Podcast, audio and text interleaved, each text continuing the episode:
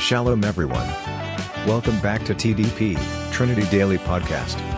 We'll be listening to a motivational message by Pastor Stephen Carroll Werha. Make sure you listen until the end, and don't forget to share the link to your friends and family so they can be blessed as well. All right, Pastor Steve, the mic is yours.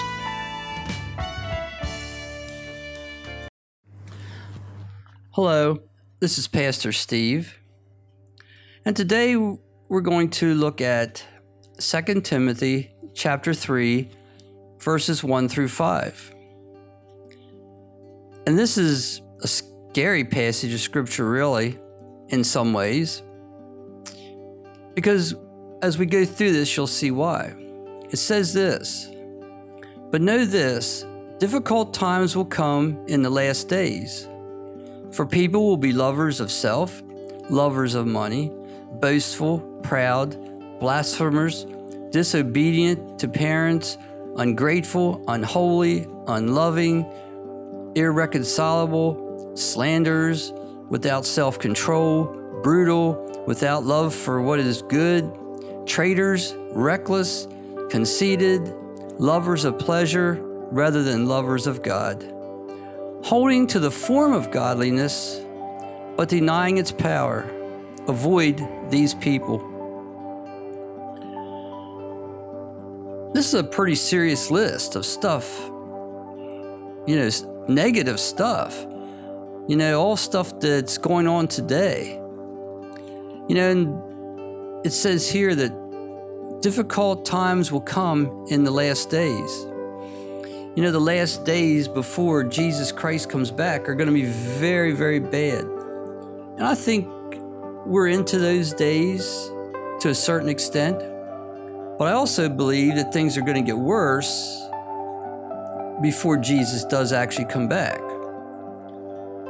But if we look at these verses, we see all this stuff going on today. You know, people are so greedy, so selfish, they're proud, they're boastful. They're blasphemers, really, because the general person doesn't want to have anything to do with God. And we see all these things going on. You know, we see them in our government, we see them in businesses, we see them everywhere. Everywhere. These traits, these things have permeated our society in such a way that it's unbelievable. And it's not just in the United States, it's everywhere. This is what's going on. You know, there's no self control. The brutality that we see, you know, in the riots and, and just the, the way that people treat each other, you know, people being murdered for their sneakers or their shoes or whatever. You know, there's all this stuff going on. Now, it can be alarming and it is alarming in some ways when we, we really come face to face with all of this. But the interesting thing is, is when we see this stuff going on, and then we see here that God already knew this. You know, here's in Second Timothy, you know, they're, they're writing, Paul's writing um, about all this stuff that's going to happen. God knew about this. God knew it was going to go on. You know, we have to hold fast to that truth. That no matter what goes on now, no matter how bad things are, God knew it. This is not surprising to God. God predicted it. Jesus said very clearly that we would have trials and tribulations, that as followers of Christ, things would get harder and harder for us.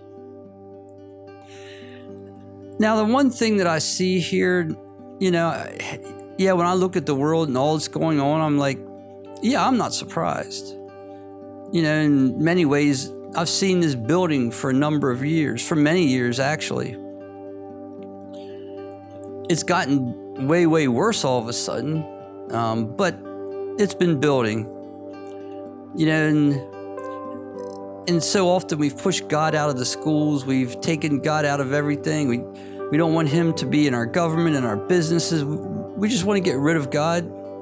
And this is a result.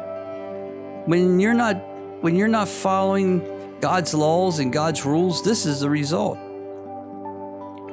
Now, what's really sad, you know, when it, it says, especially when it gets down here to say that in these end times, people are going to be lovers of pleasure rather than lovers of God, holding to the form of godliness but denying its power. What really, really saddens me is that so many of these things I've seen in the church, in the place where people should have hope, where people should be treating each other right.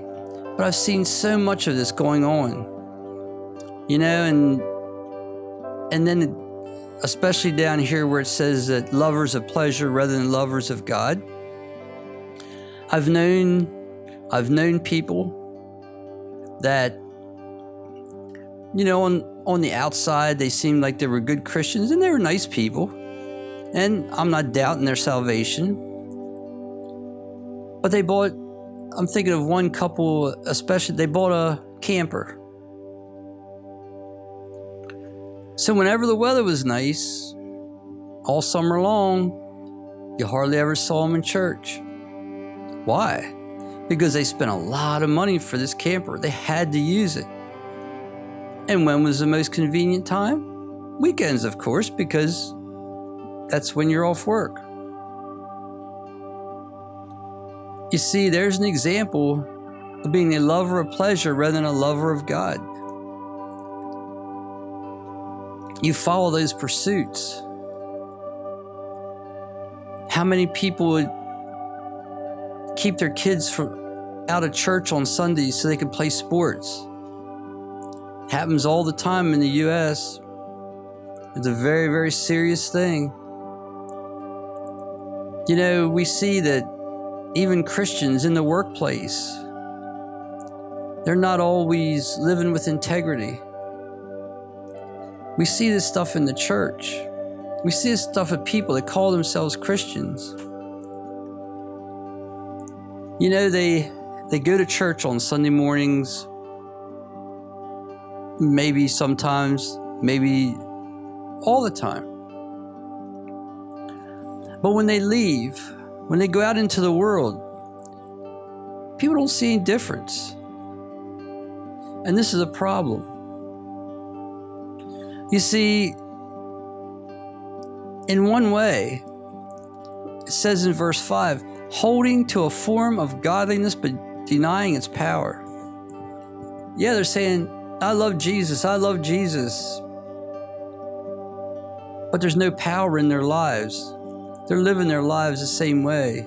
They're not being fruitful for the Lord. They're not being, you know, giving themselves. They're living their lives just like everybody else. They don't stand out. As Christians, we should look different. We should stand out. We should not look the same as the rest of the world. If we if we're looking the same as the rest of the world, there's a problem. There's a serious problem. And we need to deal with that. You know, there's so many so many churches today there's so many churches that are not teaching the truth. They hold to some form of godliness, but they're also denying the power. Oh, they're claiming the power, but the power is not coming from God because what they're teaching is false. They're teaching things that are not true, not that the Bible doesn't talk about or it talks about, but things that that are not according to God's word. That's they're taking the words of God out of context. They're using God's name. There's a form of godliness, but no power. Because the true power is going to come when when a church stands on the absolute truth of the Word of God and nothing else. The true power is going to come when we hold fast to the doctrines and the theology that's in the Bible. The power is going to come when we share that, when we share the gospel with other people. And we don't get involved with all these extra things, these spectacular things, these miraculous things that, that, that people want to see. You know, we live in a, a tough time. It's easy. It's very, very easy for us to blame the government, to blame those that seem to be opposed to God. You know, it's easy to blame other people, it's easy to complain. I hear it all the time just people complaining, complaining, complaining, complaining. And they're blaming this person, they're blaming that person. I mean, everybody's getting blamed by somebody at this point. But I'm here to say today that if you're a Christian, if you call yourself a child of God, it's time to stop complaining, to believe that God's when God said this stuff was going to happen, it's going to happen. Believe that it's going to get worse. Believe that you cannot stop it. Yes, there's things we can do to make it better, but we cannot stop it. Stop complaining and stop blaming. And do what the Bible tells us to do share Jesus with those that are hurting and lost and dying and going to hell. That's what we need to do as Christians. If you call yourselves a child of God, quit complaining, quit blaming, and start doing what God has called you to do. Let us pray. Dear Lord and Heavenly Father, we thank you, we praise you for these words.